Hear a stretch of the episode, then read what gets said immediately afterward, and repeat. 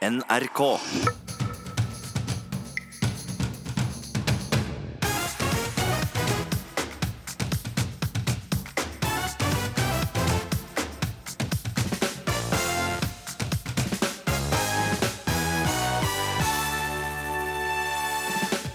2018 var året da metoo virkelig traff norsk politikk, og en adhuk-ferie var på alles lepper. Jeg anbefaler på det sterkeste å ta en ferietur til Iran.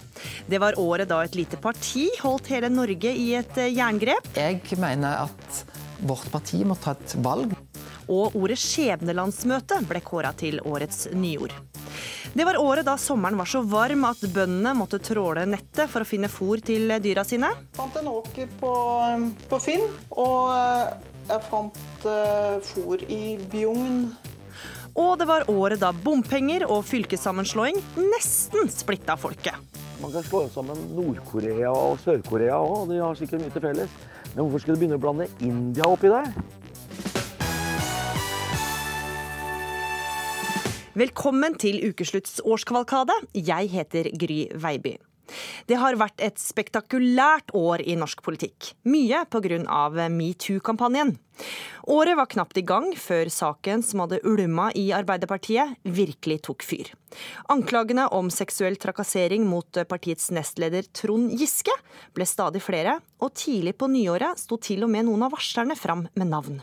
Line Oma var en av dem. Jeg var veldig uforberedt på det. Jeg var litt sånn sjokka. Jeg hadde på en måte hørt noen historier om Trond Giske før, og nå var jeg litt sånn eh, sjokkert over at jeg sjøl på en måte var mm, blitt en gjenstand for det, som jeg hadde hørt rykter om tidligere. Eh, og så var jeg litt sånn flau eh, over det. Giske selv var langtidssykemeldt og snakka stort sett til omverdenen via Facebook. Varslerne var under press, Arbeiderpartiet var under press, og Giske var under press. Psykologiprofessor Fanny Duckert var en av dem som mente journalistene måtte besinne seg. Hun møtte VG-redaktør Gard Steiro til debatt. Pressen rigger jo til med å ringe rundt eh, uformelle meningsmålinger, hvor mange av ordførerne mener nå at Altså at det blir en intensitet. Ja, Nærmer det seg nå en farlig situasjon for Trond Giske, sånn som du ser det? Altså, I forhold til de erfaringene vi har gjort, så er dette absolutt eh, en risiko for veldig sterk belastning. Eh, som er vanskelig å håndtere, og hvor folk får til dels ganske sterke reaksjoner. Altså som at man blir liggende våken om natten og gruble, man får ikke spist, man får ikke sovet, dagen preges av kaos, konsentrasjonsvansker, og, og at man får ganske sterke sånn psykosomatiske plager, rett og slett. Gard Steiro, sjefredaktør i VG. Er det på tide at vi roer oss ned nå og tenker på eh, hva dette her kan føre til? Nei, men Vi tenker allerede over det. Altså, Jeg har stor respekt for Fanny Duckert. Jeg har lest boken hennes, og Fanny Duckert har òg vært eh, nylig i VG og holdt foredrag om eh, akkurat dette temaet med bakgrunn i boken sin. Og dette er et tema som opptar oss sterkt. Det er ikke sånn at vi, vi går inn i dette blindt uten å ta, eh, ta, hensyn til dette og diskutere det. Det er daglig tema. Hvordan skal vi dekke Giske-saken? Hvilke hensyn skal vi ta til Giske? Hvordan skal vi forholde oss til hans pårørende? Hvilke hensyn skal vi ta de? Det er saker som legges bort. Vi vurderer ordlyd, vi vurderer billedbruk. Men så er det et annet perspektiv oppi dette som er viktig. Det er at Dette handler ikke bare om Giske. Det er andre personer involvert i denne saken som vi diskuterer like mye. Hvordan skal vi ivareta denne i denne ekstremt belastende situasjonen? Og det er varslerne. Og det var ikke bare nestlederen i Arbeiderpartiet som fikk varsler mot seg. Fremskrittspartiets Ulf Leirstein prøvde å få 15 år gammel gutt med på trekantsex. Nå trekker han seg som parlamentarisk nestleder. Høyre innrømmer grov svikt i varslingssaker mot tidligere Unge Høyre-leder. Statsministeren beklager overfor varslerne. Og fylkesordfører i Hedmark, Senterpartiets Dag Rønning, går av etter flere varsler om upassende oppførsel mot unge kvinnelige politikere. Hele det politiske Norge var i unntakstilstand. Hvem visste hva, og når fikk de vite om varslene? At FrPs Ulf Leirstein hadde sendt porno til unge partifrender og foreslått trekantsex med en 15-åring, var noe partileder Siv Jensen visstnok var varsla om, men som hun ikke huska. Jeg husker ikke det. Jeg har gått gjennom kalenderen min. Så sannheten er at jeg ikke husker dette. Men jeg husker det altså ikke. Og det er ingen spor av at jeg har hatt et slikt møte. Men hadde jeg sagt noe annet, så hadde jeg ikke snakket sant. Da hadde jeg faktisk løyet. For sannheten er at jeg ikke husker dette. Så ukeslutt spurte nobelprisvinner og hjerneforsker May-Britt Moser om hva som gjør at vi glemmer.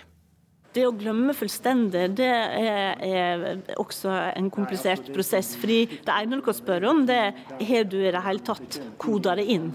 Så når vi er i selskap og du kommer og presenterer sier hva du heter og ansiktet og sånne ting, så, så, så, går ting så fort. Og du står bare og tenker på ditt eget navn og ikke på den som presenterer. Så da har ikke du kodet inn, så klart da husker ikke du heller. Um, og så er det når vi sover, så rydder hjernen opp. Så det som ikke har fått en sånn tagg på seg som er interessant, det blir gjerne borte. Og en sånn tagg som gjør at det er interessant, det er hvis vi er blitt emosjonelt involvert eller er veldig motivert for å huske noe. I Høyre var det også krisestemning. Partisekretær Jon Ragnar Aarseth ble kalt inn på teppet her i ukeslutt for å forklare hvordan partikollega Christian Tonning Riise hadde fått holde på som han hadde gjort.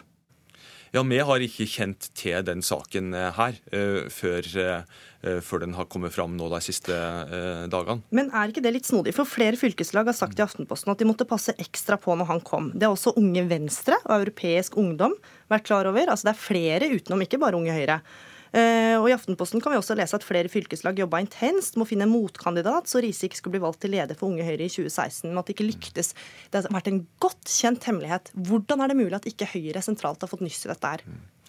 Eh, det som har vært kjent for meg eh, de siste månedene og på slutten av året i fjor, er at den, den atferden som Kristian har hatt, og som, som, har vært kjent i Unge Høyre, nemlig at han, det har vært for mye alkohol, det har vært offensiv sjekking, det har vært relasjoner til jenter der alder og posisjon ikke har stått, stått i forhold til hverandre, at det var en utfordring som en måtte ta tak i, og, og at dette var noe vi måtte snakke med Kristian om. Jo, men hvorfor har ikke Høyre visst dette her? Eh, ja, Når det har vært det... en så godt, eh, mm. Er dere ikke interessert i det som skjer i ungdomspartiet? Det har vært en så godt, eh, godt, kjent hemmelighet, om man skal si det sånn. Det er mange rundt han som har visst det. Hvordan er det mulig at Høyre mm. som moderparti ikke har visst noen ting? Mm. Ja, det er blant de ting med eh, undersøke, snakke med folk, prøve å komme til bunns i nå. De store partiene snubla seg inn i 2018 med sexskandaler som bakteppe. Men heller ikke de mindre partiene ble forskåna for slikt. Du hører på Ukeslutts årskavalkade, og vi slipper ikke sex og politikk helt ennå. For i kjølvannet av varslingssakene mot Giske, Leirstein og Riise dukka det opp en noe uvanlig sak med venstreleder Trine Skei Grande i hovedrollen. På en åker under en bryllupsfest i Trøndelag i 2007 skjedde det noe som endte med at venstrelederen gikk ut i mediene med budskapet 'Jeg er ingen overgriper'. Jeg framstilles her i, på nettet og i mange saker som en overgriper. Det er jeg ikke. Eh, det eh, var viktig for meg å si i går. Også viktig fordi det er mange som sprer utrolig mange usannheter om politikere. Og jeg tror at jeg har fått min, min skjerv av det i det siste. For samtidig som Grande var på vei inn i regjering, ble episoden i Åkeren toppsak i en rekke norske medier. Tidligere fotballkeeper Erik Torstvedt, som selv har erfaring fra grafsende britisk presse, mente norske journalister gikk for langt. Der var en uh, grenseflytting, definitivt. Og uh, spørsmålet er jo om, om denne grenseflyttinga er starten på noe mer, eller om backlashet, om rett og slett uh, bumerangen som kom tilbake fra resten av norsk presse, om at dette var forferdelig. Det var langt over streken, og sånt vil vi ikke ha det. Altså, Hvilken av disse to greiene er det som kommer til å vinne her? og jeg kjenner meg jo veldig igjen i forhold til britisk presse, som er den beste og den verste i verden. De har fantastiske aviser. De har aldeles grusomt dårlige aviser. Men elementene med sex og betaling begge de elementene ser vi i denne norske saken, og det er veldig veldig gjennomgående i den dårlige delen av, av britisk presse, der de hele veien er på jakt etter sexskandaler, og de er villige til å betale for det. og Derfor ser vi stadig vekk folk som er villige til å selge seg sjøl og sin historie eh, for å få penger, men like mye for å få sin 50 minutes of fame. Sa altså Erik Torstvedt. En grovt sjikanerende melding skapte høye bølger innad i Senterpartiet. Partiets tidligere leder, Liv Signe Navarsete, gikk ut og fortalte at hun hadde fått en melding fra en partikollega med ordlyden 'Vi har lyst på fitta di'. Jeg ble jo litt sjokkert. Uh, og måtte jo kikke flere ganger på den. Jeg ble jo liggende en stund før jeg fikk sove igjen, egentlig. For jeg syntes det var veldig merkelig. Uh, og fordi at eh, avsenderen, er, den som eier den mobilen, er en person som jeg var rimelig sikker på aldri hadde sendt en sånn melding. Og det er jeg enda mer sikker på etter jeg har snakka og hatt en lang samtale med han. Så, men han var jo sammen med andre, har jeg skjønt, i etterkant, da. Navarsete var skuffa over partiets håndtering av saken, og hun reagerte på at meldinga ikke hadde fått konsekvenser for den eller dem som sendte den. For det ubesvarte spørsmålet var hvem sto bak? Meldinga ble sendt fra en hyttetur der ti Senterpartimedlemmer var med, blant dem nestleder Ola Borten Moe. Men ingen av deltakerne på hytteturen sto fram. Ukeslutt spurte tidligere polititopp Hanne Kristin Rode om hvordan man kan finne ut av en slik sak, der alle hardnakka hevder sin uskyld. Jeg håper jo at det er en evne og en vilje til å snakke med alle, og at ikke noen blir spart bare fordi de er hyggelige. For for vi vet jo i prosesser så kan det være bekvemt å tenke at disse er så greie så de kan det ikke være, men derimot disse, eh, C, D og E, eh, de er jo litt ugreie og litt opposisjonelle i ulike sammenhenger, så det må jo være de. Og de har altså ingen bevisverdi når vi kommer til politiarbeid. Ingen har altså tilstått. Hvor lurt er det å jobbe for å prøve å få fram en tilståelse? Hvor, hvor fruktbart er det som oftest? Eh, jeg har jo lyst til å begynne med det rent menneskelige. Den som har sendt en SMS eh, eller gjort en straffbar handling eh, på annen måte, bør jo faktisk, for å komme videre med samvittigheten, komme frem. Og så sparer man de andre. Nå er det altså i denne saken ti menn som er potensielle mistenkte. Og jeg syns det er feigt av den som har gjort det, Eh, og ikke kommer frem. Og så må vi legge til at teoretisk sett så kan også denne meldingen være sendt fra noen som har tilgangen til denne Facebook-kontoen, som ikke var på hytta. Så hvis det er andre som har et passord, eh, så er det flere enn disse ti som er mistenkte. Og det er fortsatt ingen som har erkjent og sendt meldinga til Navarsete. Litt seinere i sendinga skal vi høre at det politiske 2018 ikke bare dreide seg om varslinger, sexrykter og slibrige meldinger. Du hører på Ukeslutts årskavalkade. 2018 var året da mange for alvor fikk øynene opp for klimaendringene. For denne sommeren har det vært tørke, tørke og atter tørke. For bøndene kan tørken høynes med søvnløse netter, fortvilelse og mangel på fôr. Melkebonden Hedvig Lien fra Gol tråla nettet for å finne mat til dyra sine. Ja, jeg leita først lokalt, da. Jeg, så jeg eh, fant ut at Hallingdal og Østlandet var i grunn støvsugd for fôr fra krisa til eh, Vestlandet året før. Det var jo så mye regn der. Så da begynte jeg på nettet med sosiale medier og Finn og og etter hvert så måtte jeg jo over på å studere værkartet og finne ut hvor det hadde vært eh, normal normal nedbør og normal sesong, så ringte en del landbrukskontor og fikk en del tips. og Spurte noen bønder som gjerne ikke hadde, og så ringte jeg neste bonde. Og så, så fant vi til slutt Jeg fant, uh, fant en åker på, på, Finn. Og uh, jeg fant uh, fôr i Bjugn. Mange fikk en litt uggen følelse av sydenstemninga. Forfatter Maja Lunde var en av dem. Det jeg kjente mye på i sommer, det var en sånn værambivalens. At jeg syns det var utrolig deilig med det gode, varme været og, og det å ha liksom sydenferie i Norge. Um, og, og, jeg kjente meg jo igjen i beskrivelsen av supersommeren, men samtidig kjente jeg på en, en veldig sterk redsel og et stort ubehag knyttet til det været. Og jo lenger ut i sommeren det gikk, uten at det kom regn, jo sterkere ble den redselen. Maja Lunde er både pessimist og optimist. På de optimistiske dagene så klarer jeg å se positivt på, på Homo sapiens, da på menneskedyret.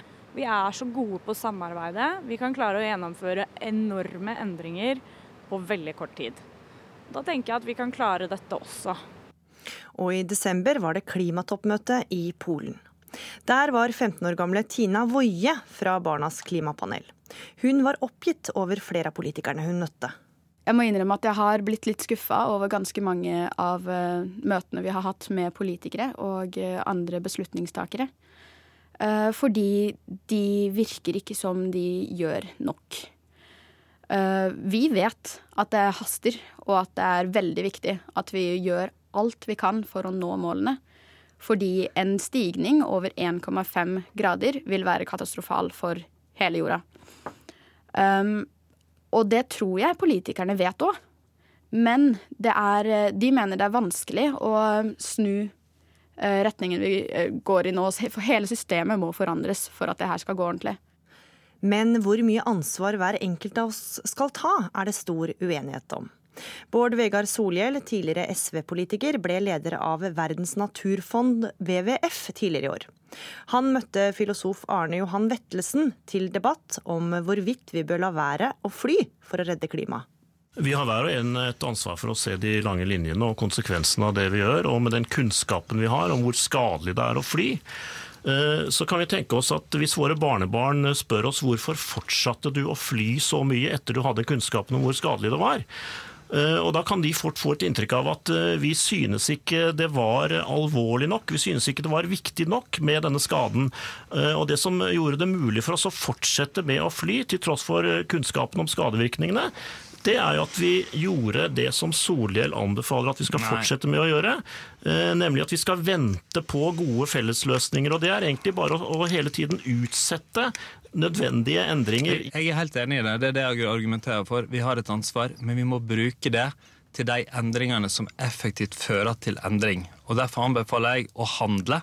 At vi krever endring, at vi jobber politisk for å gjøre vedtak som faktisk sørger for at mange mennesker flyr mindre at vi lar være å bygge ny rullebane, sånn drive opp etterspørselen. Mm. Det er de tingene som har størst effekt. Og jeg tror at en generasjon mennesker skal gå rundt og ha dårlig samvittighet og bruke det som drivkraft, det tror jeg fungerer veldig dårlig. Det nytter ikke på den ene side og mener at det er egentlig uheldig at det åpnes stadig nye rullebaner, når man samtidig er med på å ha den eh, etterspørselen som gjør at flyselskapene finner det nødvendig å åpne nye rullebaner. Så de Så man, som skal bestille sydentur nå til varmere strøk i påskeferien, hva sier du til dem?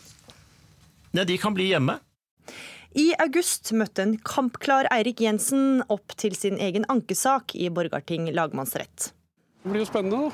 Eh, vi er jo denne gangen godt forberedt. Brukt mye tid på å sette oss inn i kanskje det vi ikke satte oss inn i i tingretten. Vi var liksom ikke helt mentalt til stede i den prosessen, så jeg tror det går bedre nå. En bussjåfør, en student, en pensjonist og en lektor er noen av dem som skal avgjøre om Jensen er purk eller skurk i det som er norgeshistoriens siste jury. Frøydis Rasmussen var jurymedlem i Nokas-saken, og vet litt om hva det koster å være jury i en omfattende sak. Jeg bor jo på ei øy, så jeg måtte da pendle til Stavanger i, seks måneder.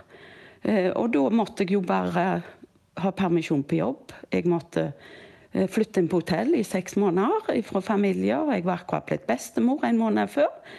Og da måtte jeg bare pakke kofferten, reise hver uke og bli ukependler. Nokas-saken fikk jo massiv medieoppmerksomhet i likhet med Eirik Jensen-saken. Hvordan merka du det? Du merker jeg, jeg, jeg, var nok en av heldige som var i Stavanger i veken og var bare opptatt. med å være i rettslokalet og så gå tilbake for å sove. Men det er klart, når jeg kom hjem til Karmøyner, eh, så hadde jo folk fått med seg dette. og du, hvis du skrudde på fjernsynet, så var det jo det som prega hverdagen. Skrudde du på radio, så var det jo det det dreide seg om. Var jeg i taxien på vei til rettslokaler, så var det jo det de snakket om mm. i radioen hvordan, i taxien. Hvordan var det da å aldri kunne snakke med noen andre om det som var jobben din? Nei, det, det, det, ble, det ble, bare så. Jeg tror folk forsto at uh, vi kan ikke spørre Frøydes om noe som helst om det. Så, så jeg, jeg syns ikke det var vanskelig, altså. Mm. Ja, Dere var sammen i et halvt år dere i Nokas-juryen. Hvor godt kjent ble dere? Oh, vi ble godt kjent. Det var inn på det lokalet. Vi hadde eget rom da, som vi var i den tida. For vi, den rettssaken var jo flyttet ut til Sola, så det var jo i et svært bedehus dette foregikk. Så vi møtte opp der hver mandag morgen og samles og hadde lunsjen. Vi var på det rommet hele tida. Så vi ble veldig godt kjente. Og ankesaken, og dermed norgeshistoriens siste jury, skal etter planen være ferdig 1.2 neste år. Så gjenstår det å se om Jensen er purk eller skurk. Årets nyord skjebnelandsmøte. For da lederen i Kristelig Folkeparti, Knut Arild Hareide, sa at partiet måtte ta et veivalg, satte han det politiske Norge på hodet. Etter at han råda KrF til å gå mot venstre, måtte han løpe fra fylke til fylke for å overbevise sitt eget parti. Ukeslutt tok med Hareide på joggetur. Okay, vi skal ta til venstre her snart. Og da får vi en litt bedre løype fram mot målet. Ja, det var ja, det var jo egentlig høyre, da. Kanskje vi skal rett fram? Ja, følg alltid sentrumsveien. Altså, det som eh, har vært det avgjørende for meg, er at jeg ser vi er nødt til å gjøre et reelt veivalg. Eh, og når jeg da visste at alternativet for oss er å gå inn i Solberg-regjeringa, sitte sammen med Fremskrittspartiet, som ja, står ganske langt vekk fra KrF, da var det naturlig for meg å se etter et sentrumsalternativ. Og etter flere uker i nervepirrende spenning kom resultatet. Hareide tapte med åtte delegater, og KrF valgte å gå til høyre i norsk politikk. Det var en skuffa leder i Akershus KrFU, Simen Bondevik, som kom til oss dagen derpå. Ja, nå er jeg veldig sliten eh, etter mange harde, tøffe uker. Men jeg er også veldig trist eh, over det som skjedde i går. Eh, jeg gråter veldig sjeldent, men i går eh, så gråt jeg masse. Eh, vi har valgt å gå inn i regjering med Frp og kaste Hareide, og det er litt annerledes KrF enn det jeg tror på, så jeg er veldig, veldig trist. Simen Bondevik var rett og slett usikker på om han skulle fortsette i partiet. KrF-velger og artist Christian Ingebrigtsen kom med råd jeg håper virkelig, Simen, at du fortsetter å engasjere deg politisk og ikke gir opp, selv om ikke ditt syn ble eh, vant fram denne gangen. Eh, for vi trenger sånne som deg. Vi trenger eh, Jeg tenker at eh, det viktigste i livet er jo det vi kan legge igjen for verden og for menneskene som vi bryr oss om. Så jeg tenkte jeg skulle ta en liten sang om det, da. Som eh, handler om at vi kan ikke ta med oss noe herfra.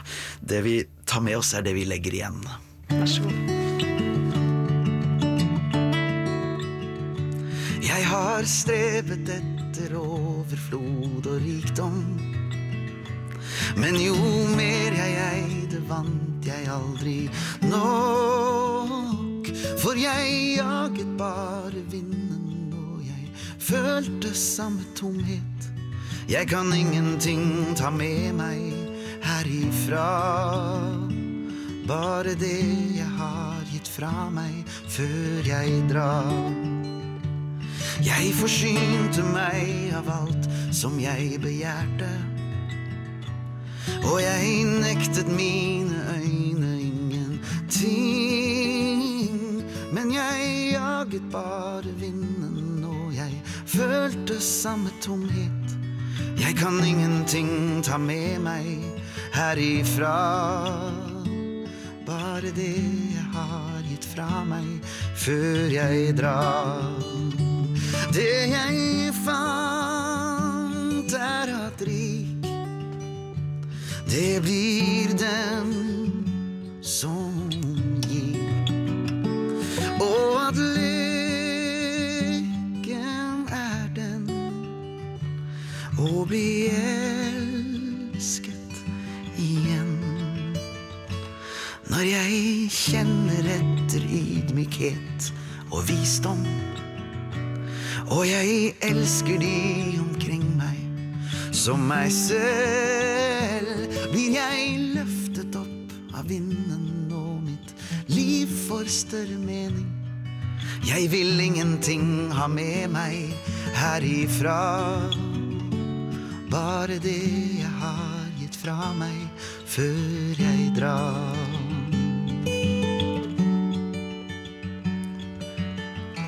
Jeg har gitt fra meg før jeg drar.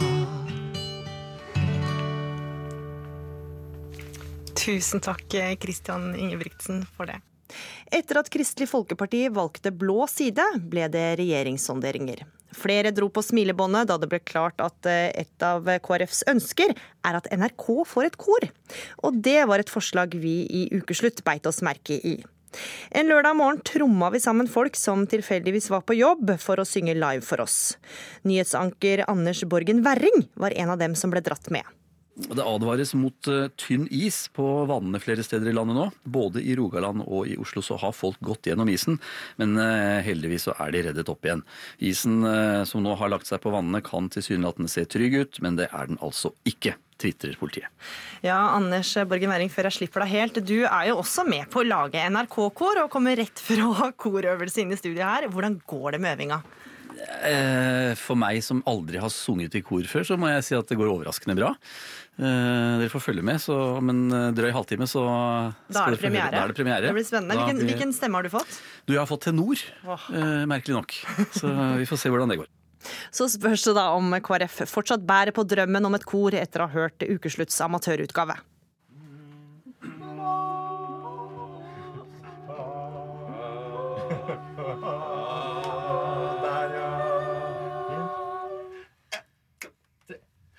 Hallelujah. Hallelujah. Hallelujah. Hallelujah. Hallelujah.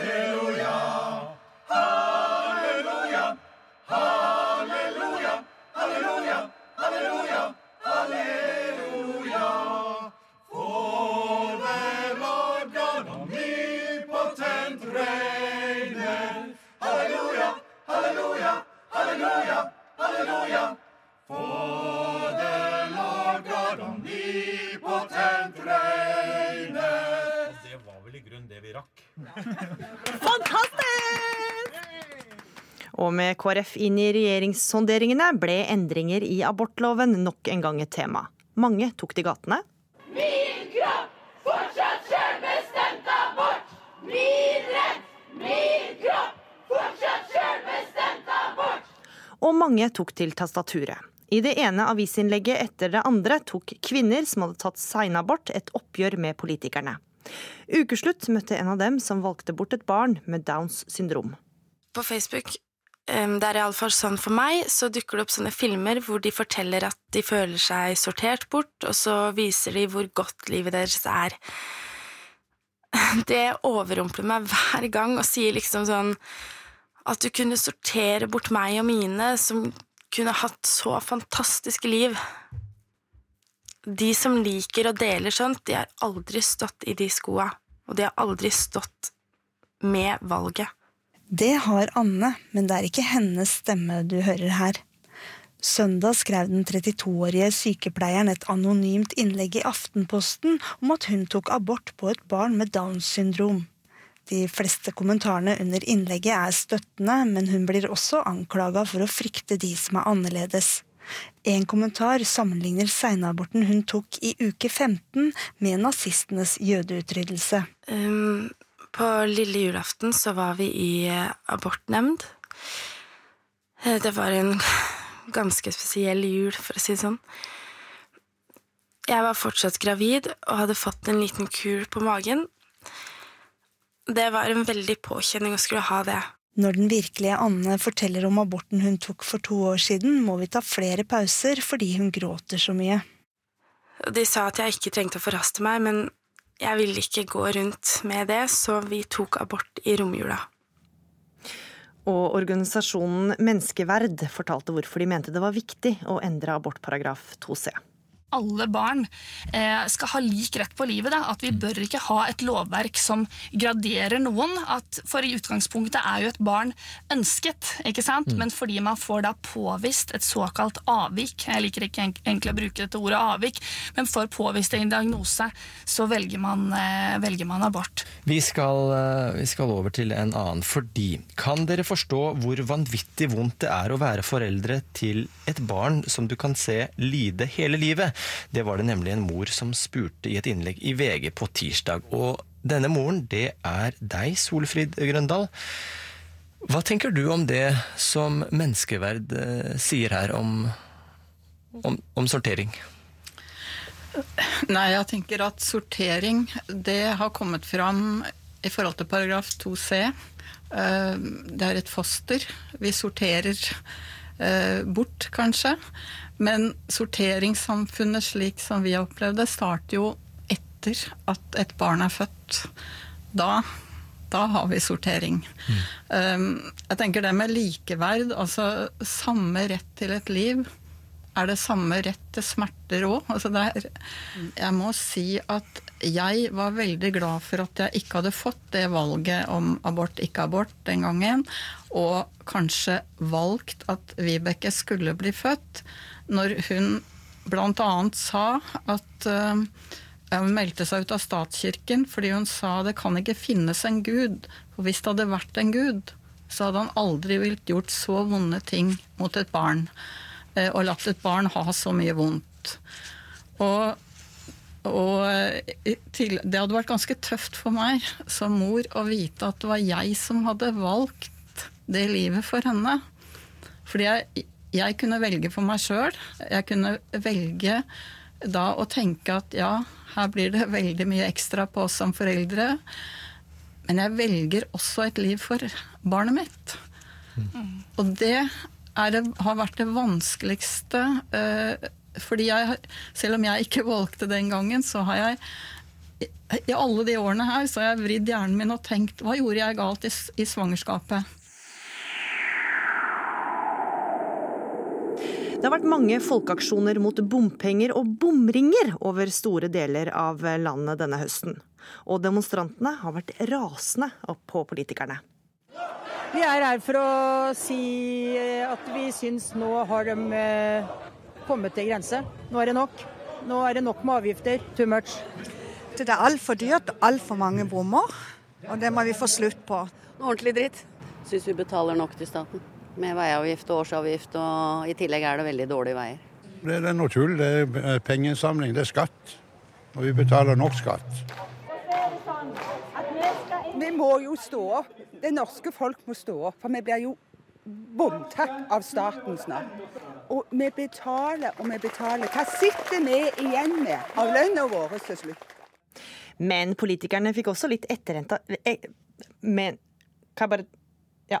Men politikerne fikk også litt etterlengta støtte fra gruppa Besteforeldrenes klimaaksjon, som tromma sammen til motdemonstrasjon.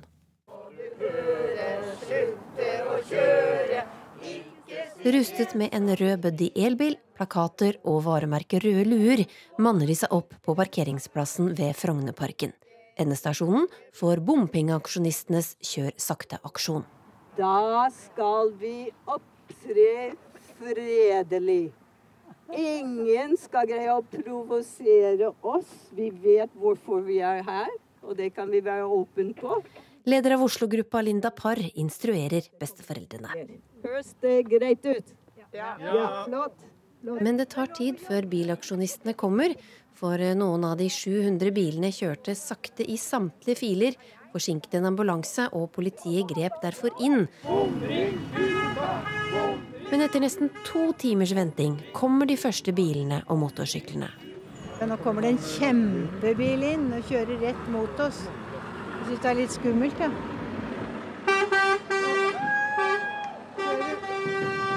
Kjører over kantstein og alt som er. Og så står det en gjeng MC-er nede og hardbarka folk, tror jeg.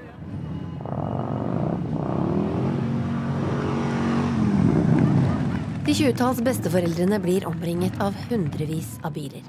De får både usaklige kommentarer og argumenter mot bomring servert tilbake. Pensjonistene de kan få det til å stå der. De trenger ikke å få hverdagen til å gå opp, og dermed så kan de stå her. Men de er bekymra for klimaet, men det er ikke dere? Nei, ja, nei vi er ikke bekymra for klima. Nei, for Norge ligger på toppen av å spare på klima nå. Ja, Så det er kanskje greit at uh, vi har litt rann, eh, sirkulasjon oppi her òg. Norge er 5,3 millioner innbyggere kontra Kina med 1,4 milliarder, India med tilsvarende. Vi, vi er bare provins i europeisk sammenheng. Det, har, altså, det Norge forurenser, er en dråpe i havet. Det er bare som å sitte og prompe i Kina. Og en aksjonist, Linn heter hun, kommer bort til meg med ønske om å nyansere den store aksjonsgruppa litt. Jeg tror på menneskeskapt, menneskeskapt global oppvarming. Men hvorfor er du, hvorfor er du mot bompengene? Eh, Jeg er imot økte bompenger fordi eh, det rammer de fattigste verst. Eh, Og de rike kommer til å gjøre det rike alltid har gjort, og bare betale seg gjennom og ha det like greit som de alltid har hatt det. Besteforeldrene pakker sammen, fornøyde med kveldens motdemonstrasjon. Det var veldig bra. Ja. Det var noen som var litt sure og viste fingeren. Vi vinka tilbake. Men nå går de gamle hjem. Nå har vi gjort vårt, og de er veldig fornøyd.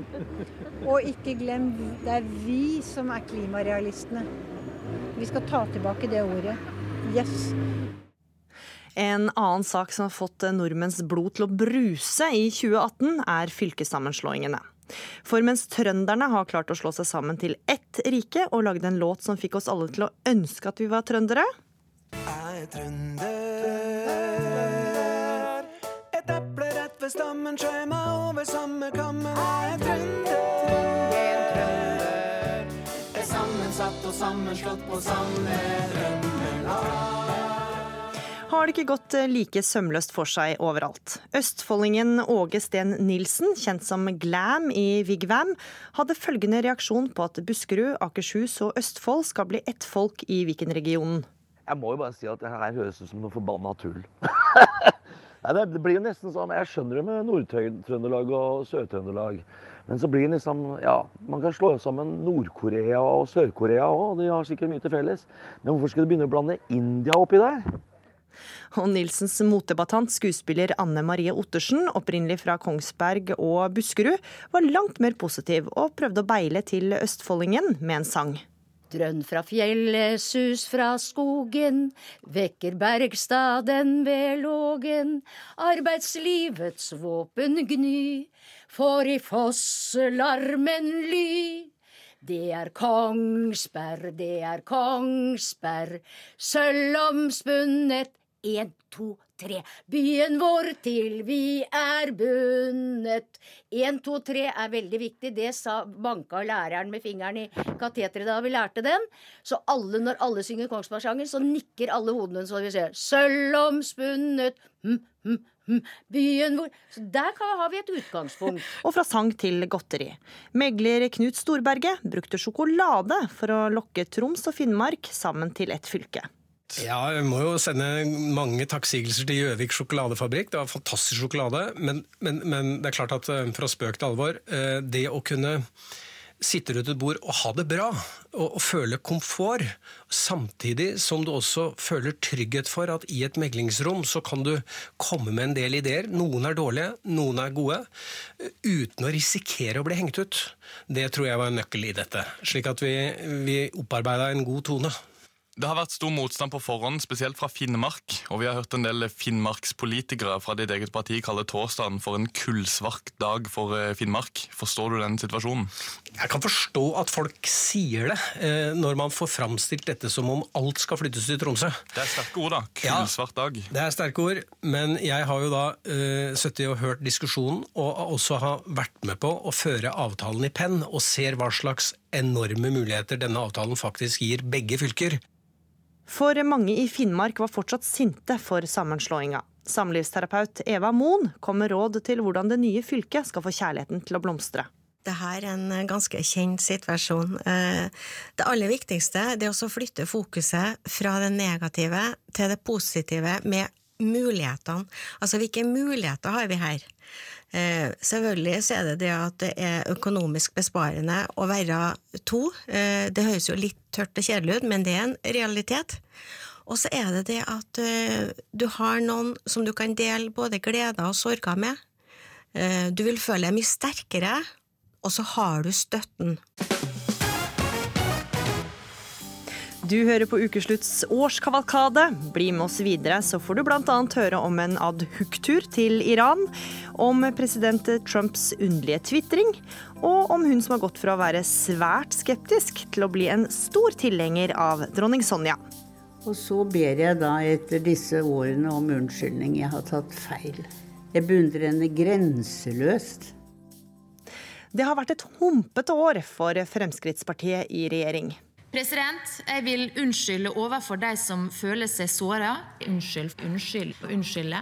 en uforbeholden unnskyldning. Jeg vil unnskylde Unnskyldning, ja. Unnskyldning. Unnskyld. I mars sto justisminister Sylvi Listhaug på Stortingets eh, talerstol og unnskyldte flerfoldige ganger at hun hadde delt et bilde på Facebook med teksten Ap mener terroristens rettigheter er viktigere enn nasjonens sikkerhet. Det kokte i Stortinget, og Listhaug trakk seg som minister bare noen timer før våre folkevalgte skulle stemme over et mistillitsforslag mot henne. Det har vært en helt surrealistisk uke, der et eh, Facebook-innlegg som er beklaga, har omgjort norsk politikk til en barnehage. Ukeslutt dro til Sunnmøre, til Listhaugs grunnfjell, der fortsatt mange elsker Sylvi. Og jeg oppdaga at det er to standarder. Når det hun bruker sterke uttrykk, som f.eks. monster om barnemishandlere, da ble det et ramaskrik i presse og blant politiske motstandere. Mens de samme, den samme pressa og den samme politiske motstanderne står fritt til å kalle henne de verste ting. Mange bruker jo ord som eh, heltinne eller martyr når de omtaler Sylvi Listhaug. Er det ord du kunne finne på å bruke om henne, eller? På ingen måte. Jeg kunne heller ikke tenke meg å bruke de andre ordene som blir brukt på henne som karakteristikk, som djevel og nazi og fascist og alle disse tinga. Mindre enn et halvt år etter Sylvi Listhaugs fall var hun på vei opp igjen, da som konstituert nestleder i partiet. Enkelt fortalt fordi en partikollega hadde vært på kjærlighetstur til Iran. Jeg har vært på ferie og prøvd å slappe av. Kosa meg i Det kaspiske hav, bada. Det var varmt og godt. Masse natur, mye god mat, møtt masse flotte mennesker. Er det noen som bør vurdere om det er forenlig å ha tillitsverv i Fremskrittspartiet og samtidig ha forelsket seg i et av verdens verste islamistiske terrorregimer, så er det Sandberg. Jeg forstår at den oppfatninga kan komme ut ifra min Facebook-status. Det eneste ønsket mitt der, det var å si det at eh, Iran er i bunn og grunn et flott land. Eh, Iran har i bunn og grunn Men problemet med Per Sandbergs Iran-tur var at han tok med seg jobbmobilen i strid med regjeringas sikkerhetsregler, og at han ikke varsla verken statsministerens kontor eller eget departement. Eh, Men spørsmålet er hvorvidt at jeg angrer på at jeg reiste til Iran på en ukes ferie. Så er svaret nei. Men jeg beklager at eh, min vurdering var fullstendig feil i forhold til sikkerhet. Det er mandag, og en svært ydmyk Per Sandberg trekker seg som fiskeriminister. Et døgn seinere har Sandberg innkalt til ny pressekonferanse i Arendal, og nå er han rasende. Norsk media og norsk presse, dere har nærmest henretta denne kvinnen. Ved siden av Sandberg sitter kjæresten, 28 år gamle Bare Letnes. Uh, jeg er ekte, Per er ekte, og kjærligheten er ekte. Og Og sånn som det ser ut for meg, i hvert fall, så er det her to mennesker som åpenbart er veldig glad i hverandre. Til glede for de to, irritasjon for mange andre. Fordi vi problematiserer det må være noe annet. Hvorfor det? Hvorfor skal vi mistenkeliggjøre folk som åpenbart er glad i hverandre? Jan Arild Ellingsen har kjent partikollega Per Sandberg i mange år. Han synes Sandberg fortjener honnør for at han valgte kjærligheten. For meg så handler det om å være ærlig med seg sjøl. Hvis man går rundt og ikke er ærlig overfor seg sjøl, hvordan skal man da kunne representere andre? Og Per er åpenbart ekstremt eh, forelska for tida. Det ser du på væremåten, du ser på nærheten til den nye kjæresten sin. Og når han da har valgt henne og valgt bort det som måte har vært livet hans til nå, så vitner det om hvor, hvor sterkt og, og tydelig det forholdet mellom de to er. Og da syns jeg det står respekt av Per å gjøre det valget han gjør. Og Per Sandbergs Iran-tur inspirerte ukeslutt musikalsk. Det er Per Sandberg som har vært på en ren feriereise til Iran, og den tok jeg ad hoc. Nå kan ikke jeg gå og trampe vannet i Oslo. Pinadø, nå tar vi oss en tur til Iran. Varmt og godt. Masse natur. Mye god mat. Masse flotte mennesker. Bade i Det kaspiske hav. Anbefaler på det sterkeste å ta en ferietur til Iran. Så varmt og godt. Masse natur. Mye god mat. Masse flotte mennesker. Sto på vannsky ute i Det kaspiske hav. Kosa meg. Anbefaler på det sterkeste å ta en ferietur til Iran. Irans regime er blant verdens verste når det gjelder brudd på menneskerettighetene. Verdens verste. De kvinner som fjerner hijaben, flere av dem har blitt arrestert og dømt til fengsel. Arrestert og dømt til fengsel. Mens Sandberg har vært i Iran, i juli så har iranske myndigheter henrettet mer enn 30 personer. 30 personer henrettet. Mer enn én person daglig. En person daglig henrettet. Og så anbefaler jeg deg på sterkeste å ta en tur til Iran. Varmt og godt. Masse natur. Mye god mat. Masse flotte mennesker. Sto på vannskjut i Det kaspiske hav. Anbefaler på det sterkeste å ta en ferietur til Iran. Og den tok jeg ad hoc. Med på turen var altså du Bahare Letnes. Har vi feil oppfatning av Iran, mener du? Ja, det er helt feil. Iran har ikke så mye sharia-lov. Det er Saudi-Arabia som har mye sharia-lov. Man kan si 20-30 er sharia-loven. Hvor mange som blir pisket hver dag, det er få. Bare én eller to. Bare én eller to blir pisket. Pinadø, nå tar vi oss en tur til Iran. Varmt og godt. Varmt og godt. Masse natur. Mye god mat. Masse flotte mennesker. Iran er et flott land. Anbefaler på det sterkeste å ta en ferietur til Iran. Og varmt og godt. Masse natur. Mye god mat. Masse flotte mennesker. Bade i Det kaspiske hav. Anbefaler det reiseland? Anbefaler på det sterkeste å ta en ferietur til Iran. Per Sandberg har brutt det regelverket vi har. Det er menneskelig å gjøre feil. Jeg har fortsatt tillit til Per Sandberg. Og så får vi nå gå videre. Og Per Sandberg trakk seg som fiskeriminister og nestleder i Fremskrittspartiet i august. Det har også vært lyspunkter i året som gikk. For etter 65 år med isfront mellom Nord- og Sør-Korea begravde lederne fra de to landene stridsøksa. Det er et bilde som vil prege historiebøkene. Nord-Koreas leder og Sør-Koreas president som går hånd i hånd over den symboltunge delelinja som skiller nord fra sør. Norsk-koreanske Magnus Bø var Sør-Koreas store skihåp under OL i Pyeongchang. Han kunne fortelle at hele familien reagerte med glede på nyheten. Vi var bare veldig oppstemte og veldig glade, og snakka jo med broren min og, og litt sånt, og han var jo kjempeglad. Og... For broren din bor, eller er fra ja, ja, Sør-Korea? Halvbroren min han er fra Sør-Korea, og Mm. han bor jo der.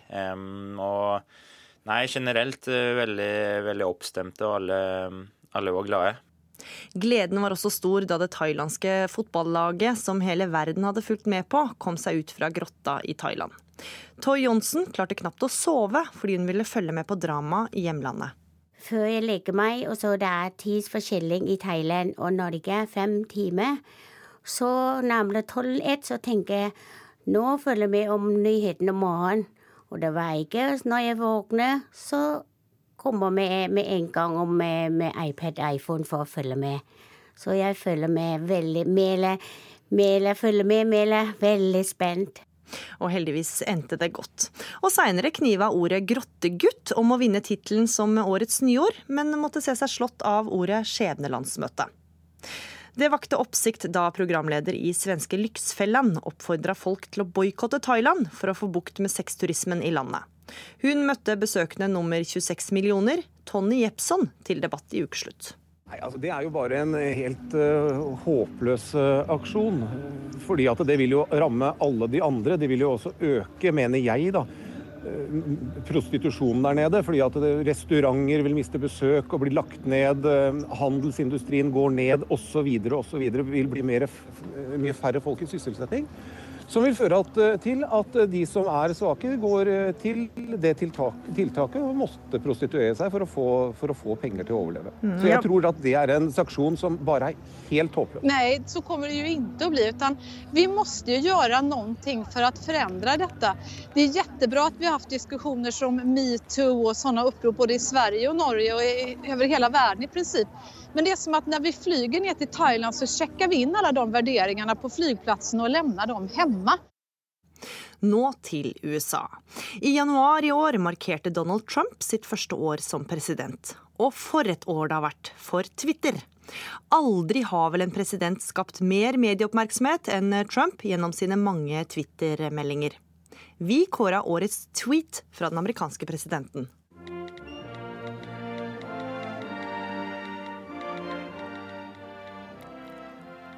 Kofefe. Og du må oversette. Ja, da skal jeg oversette. Oversettelsen er kofefe. Vi, vi vet ikke, selvfølgelig. Og, og, og, det vet jo ikke Trump heller. Men det herlige med det var jo at han forsvarte det. Hans administrasjon sa at Trump vet hva det betyr. Dere vet ikke hva det betyr, dere får ikke vite det. Men Trump har en mening bak det. Det syns jeg var det, var det herlige ved det. Men det er ikke bare Donald Trump som sliter med å gjøre seg forstått. Også vi i Ukeslutt sliter av og til. For ett år siden så blei Donald Trump, Trump, Trump, Trump, Prump, sier jeg, Donald Trump. En lørdag i april i år våkna vi opp til nyheten om at USA, sammen med Frankrike og Storbritannia, hadde bomba mål i Syria. Fellow Americans, a short time ago, I ordered the United States Armed Forces to launch precision strikes on targets associated with the chemical weapons capabilities of Syrian dictator Bashar al-Assad. For syriske Adib Waes, den første mindreårige asylsøkeren som kom til Norge etter at borgerkrigen brøt ut, kom til oss. Og for han er det alltid en spesiell opplevelse når hjemlandet er førstesaken i nyhetene. Dette er ekstremt ille egentlig hver gang jeg hører at er nytt som har skjedd. Så husker jeg egentlig når jeg har vært selv der i 2013, når jeg opplevde faktisk krigen personlig, når vi satt eh, sammen med familien min hørte bare bompene. Eh, bomber absolutt alt i nærheten av oss, og vi visste jo absolutt ikke om dette kunne skjedd oss eller ikke, da. Eh, men jo akkurat det som skjedde, samme utenlandsk angrep, eh, som sagt gjør bare konflikten enda mer kompleks, da. Så det føles ekstremt dårlig, egentlig. Og når verden ser slik ut, er det kanskje ikke så rart at noen av oss må skjermes litt ekstra. Så mange som 30% er høysensitive, mener prinsesse Märtha Louise, som nok en gang ga ut bok om temaet. Den ble slakta i Dagbladet, men flere høysensitive var takknemlige for at prinsessa ga dem et ansikt. Hvis du sier til noen ja, men at jeg er høysensitiv, sånn at ja, at det skal liksom forklare et eller annet. Så blir det sånn OK, høysensitive, det er noe nytt de har kommet på nå, ja. OK, greit. Så det er liksom bare et annet ord for hårsår. Eh, skal du ha noe spesialbehandling for det her, liksom? Selv om en ikke møter forståelse, definerer Lina Amita Haugen Dybfest seg som høysensitiv. Hun mener hun føler mer og dypere enn andre. En tur i butikken for eksempel kan være et slit. Jeg kan faktisk se hvem som for eksempel sliter, hvem som har det tungt, og du kan føle energien til folk. Og det er ganske mye eh, på en gang. Denne uka fikk de høysensitive i Norge støtte fra høyere hold. Høysensitivitet i seg selv høysensitivitet er eh, et medfødt personlighetstrekk. Og nå er det, det er flere og flere som viser seg at har det. Og nå er det oppe i 30 Før så var det 15-20. Nå er det 30 Prinsesse Märtha Louise var på Cappelen Dams bokbad mandag og forklarer her hva som skiller høysensitive som henne selv fra andre. Når vi beskriver det at ja, det er sånn som alle barn kan kjenne seg igjen i, og det er sånn som alle mennesker har, og det er sånn ja, det er det. Men det blir bare litt mer av det. I boka sammenligner prinsessen og medforfatter Elisabeth Noreng det høysensitive barnet med en orkidé. Det er med disse følsomme barna som med blomsten. Blir orkidébarna sett, forstått og bekreftet, og får de en følelse av at foreldre eller andre som står dem nær, rommer dem, kan de faktisk vokse opp og få det bedre enn de mer motstandsdyktige barna. Eh, men disse rette omgivelsene er jo Og da, er det jo sånn Märtha på sin side hun foretrekker liksom først den primitive hytta i Sikkesdalen, og så slalåm eh, på Hafjell.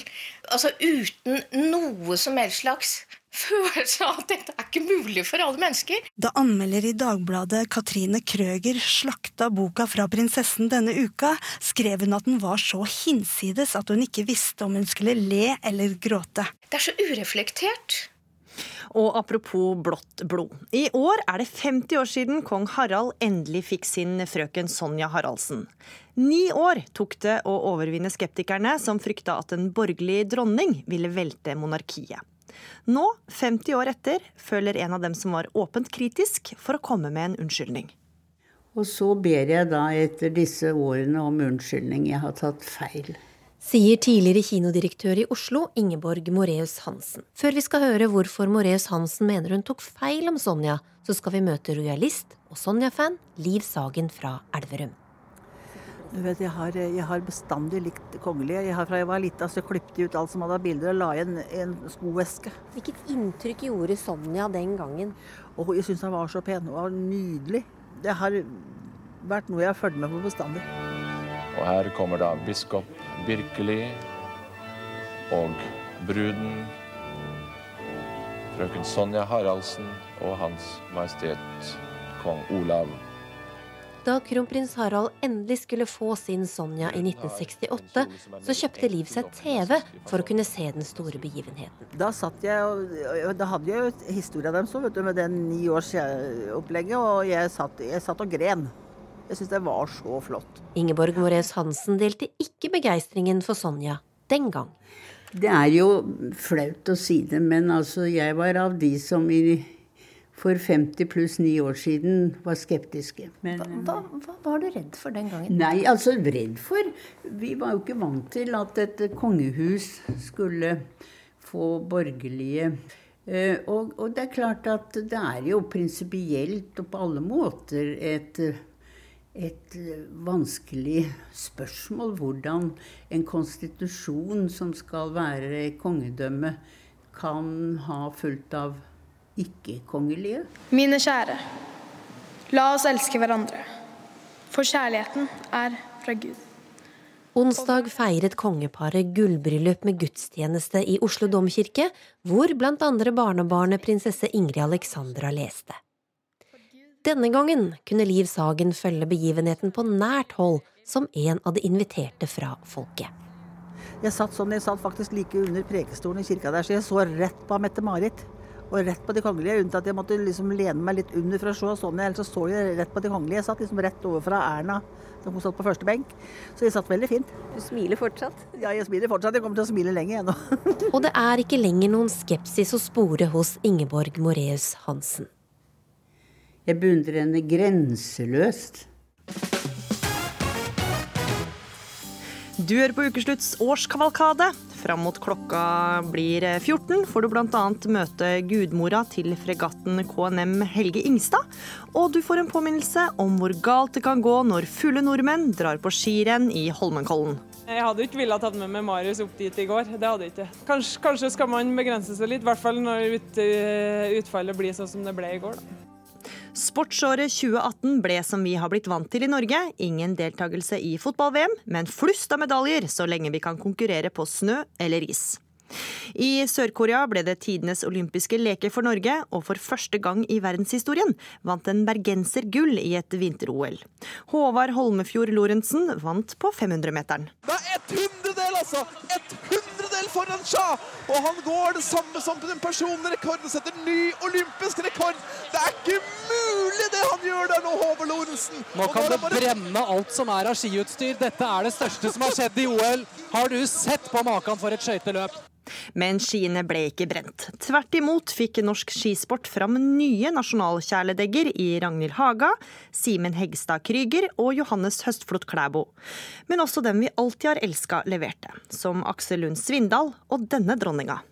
Det er 7-8 meter til Sverige! Marit Bjørgen skal klare dette! Skal hun ikke det, da? 50 meter igjen nå! Jo da, det går! Marit Bjørgen slår Stina Nilsson, og Norge vinner sitt fjerde OL-gull i stafett! For en thriller! For en duell! Jeg har jo gått mange siste etapper, men da har jeg jo ofte gått ut alene. Eh, nå var det et helt annet scenario. og Um, det var noen svensker der ute som ropte at uh, 'hun ser stressa ut', 'hun ser stressa ut'. Og så tenkte jeg fanken, det her! Men 2018 ble også et vemodig sportsår, da den ene skilegenden etter den andre fant ut at nok var nok. Jeg hadde en, jeg hadde en liten drøm når jeg var liten guttunge om å bli en god, en god skiløper. Ikke nok med at Petter Northug la opp, det gjorde også Ole Einar Bjørndalen, Emil Hegle Svendsen og tidenes vinterolympier. Min interesse for sport er omtrent null. Men når det gjelder Marit Bjørgen, så syns jeg det var trist at hun har lagt opp. Det syns jeg er dårlig gjort. Men nordmenns bunnløse kjærlighet til vintersport kan av og til renne over. Her fra verdenscuphelgen i Holmenkollen i mars, da Kollenfest ble til fyll og fanteri. Så mye fulle mennesker har ikke jeg sett på en gang. Noen som husker hvem som vant femmila i Holmenkollen forrige lørdag? Ikke? Men du fikk kanskje med deg dette? Det er et himla kaos. da. Folk har vært uh, utrolig ufine. En jente som besvimte i køen til en T-banen oppe på Frøysletta. Folkefest ble til fyllefest, og da 100 000 mennesker skulle forlate området lørdag kveld, ble totalt åtte personer skadd. Og så var det en fyr som hadde sklidd på isen og brekt foten sin. Det er steg! Eh, det har skjedd en ulykke, derfor kommer du ikke gjennom. Mange familiefolk har sagt de ikke vil ta med barna på noe slikt igjen. Til og med Marit Bjørgen. Jeg hadde ikke villet tatt med meg Marius opp dit i går. Det hadde jeg ikke. Kanskje, kanskje skal man begrense seg litt, i hvert fall når ut, utfallet blir sånn som det ble i går. da. Utfallet ble derimot langt bedre for jenta som ble kåra til verdens beste fotballspiller og fikk den prestisjefylte gullballen. Ada Stolsmo Hegerberg. Ada Hegerberg.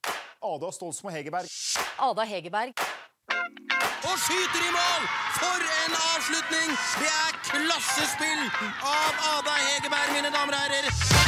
Nei, Det er egentlig helt sjukt at uh, i hvert fall en fra Sunndal klarer å bli kåra til verdens beste kvinnelige fotballspiller. Det er et kjempestort forbilde, og det er egentlig helt utrolig.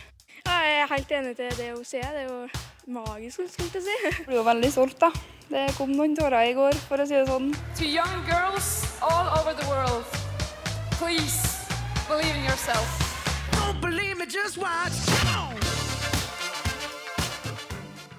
Men selv om Ada Hegerberg er verdens beste fotballspiller, er det fortsatt uaktuelt for henne å spille med det norske flagget på brystet, kunne pappa Stein Erik Hegerberg fortelle i Ukesluttstudio tidlig i desember.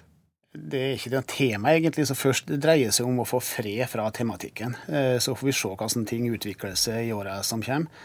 Men eh, nå er det også Ada er den hun er, og hun har tatt sine valg. og hun mener de valgene er riktige, og kommer nok til å kjøre videre på det helt til hun ser at eh, noe annet bør gjøres. I flere av landets største byer førte Nato-øvelsen Trident Juncture til protester i høst. 50 000 soldater fra 31 land deltok i den største militærøvelsen siden den kalde krigen. I ukeslutt ble det diskusjon om hvordan Russland oppfatta øvelsen, og om Russland utgjør en trussel for oss eller ikke. Forsvarspolitiker i Høyre, Hårek Elvenes, møtte professor i sosialpsykologi Arnulf Kolstad til debatt. Det er ikke sånn at uh, Norge er spesielt attraktivt for Russland. De har jo allerede større landareal enn noe annet land i verden. De trenger ikke mer. Landet trenger heller ikke isfrie havner, som det ofte argumenteres med. Det har landet allerede, og de får flere når polisen smelter og klimaet endres. Og landet har altså uendelige mengder med gass og olje, sjeldne mineraler, og de trenger ikke å okkupere Norge for å sikre seg det. Det er altså altså ingen fornuftig grunn til at Russland skulle angripe Norge. Den forestillingen tror jeg er skapt av det militærindustrielle kompleks og politikere som løper deres ærend for at man skal tjene penger på våpenproduksjon. Ja, Hårek Elvenes. Tror du virkelig at russerne kommer til å eh, invadere oss? Eh, det er ingenting som tilsier at eh, Russland har til hensikt å invadere Norge. Men eh, Norge, i kraft av sin beliggenhet, kan bli dratt inn i en storkonflikt mellom Russland og USA. Eh, Russland er avhengig av å kontrollere Barentshavet eh, og store deler av Nord-Atlanteren for å kunne beskytte sin eh, atomstridsflåte og kunne bruke denne effektivt. Det er det såkalte bastionforsvaret. Hvis Russland aktiverer sitt eget bastionforsvar, da vil Nord-Norge, store deler av Nord-Norge være tapt, og forsyningslinjen over Atlanteren ville være avskåret. Da Trident Juncture var over, kunne Forsvaret puste letta ut. Lite visste de da om det som skulle skje. En fregatt og en tankbåt har kollidert. Fregatten tar inn vann og kan synke. Grytidlig om morgenen 8. november kolliderer fregatten KNM Helge Ingstad i et digert tankskip. Ifølge den foreløpige rapporten fra Havarikommisjonen trodde mannskapet om bord at tankskipet var land. For fartøyets gudmor, Kristin Ingstad Sandberg, ble det en spesiell tid som fulgte. Særlig fordi fregatten var oppkalt etter hennes bestefar. Altså, du, det berører på det personlige planet fordi han er en person for meg. Klokken 06.00 røk samtlige sikringer foran på fartøyet. Kanskje var det noen blanke øyne denne uka også, da fregatten sank. Vaierne som skulle holde farkosten til rundt fire milliarder kroner flytende, røyk tvers av. Alle de fem fregattene som Forsvaret bygde på 2000-tallet, ble oppkalt etter norske eventyrere. Grønlandsforsker og forfatter Helge Ingstad følte seg beæret over å være en av dem. Han ville jo ikke være noe dårligere enn Thor Heyerdahl. Og det ikke mange vet, var at han øh, og Thor øh, Heyerdahl var jo de eneste av de fem som ble spurt personlig om de ville ha fregatten oppkalt etter seg. Tilbake til båten, Helge Ingstad. Fikk barnebarnet noe ansvar som gudmor? Eh, nei, det fikk jeg faktisk ikke. Men jeg har jo lest den lille skriften etterpå da, om at du skal gi båten guddommelig beskyttelse. Du kan se at jeg har underlevert litt der. Og med det ønsker Ukeslutt takk for følget i året som har gått. Ansvarlig for sendinga Fredrik Lauritzen, teknisk ansvarlig Frode Thorshaug, og i studio Gry Veiby, som ønsker godt nytt år!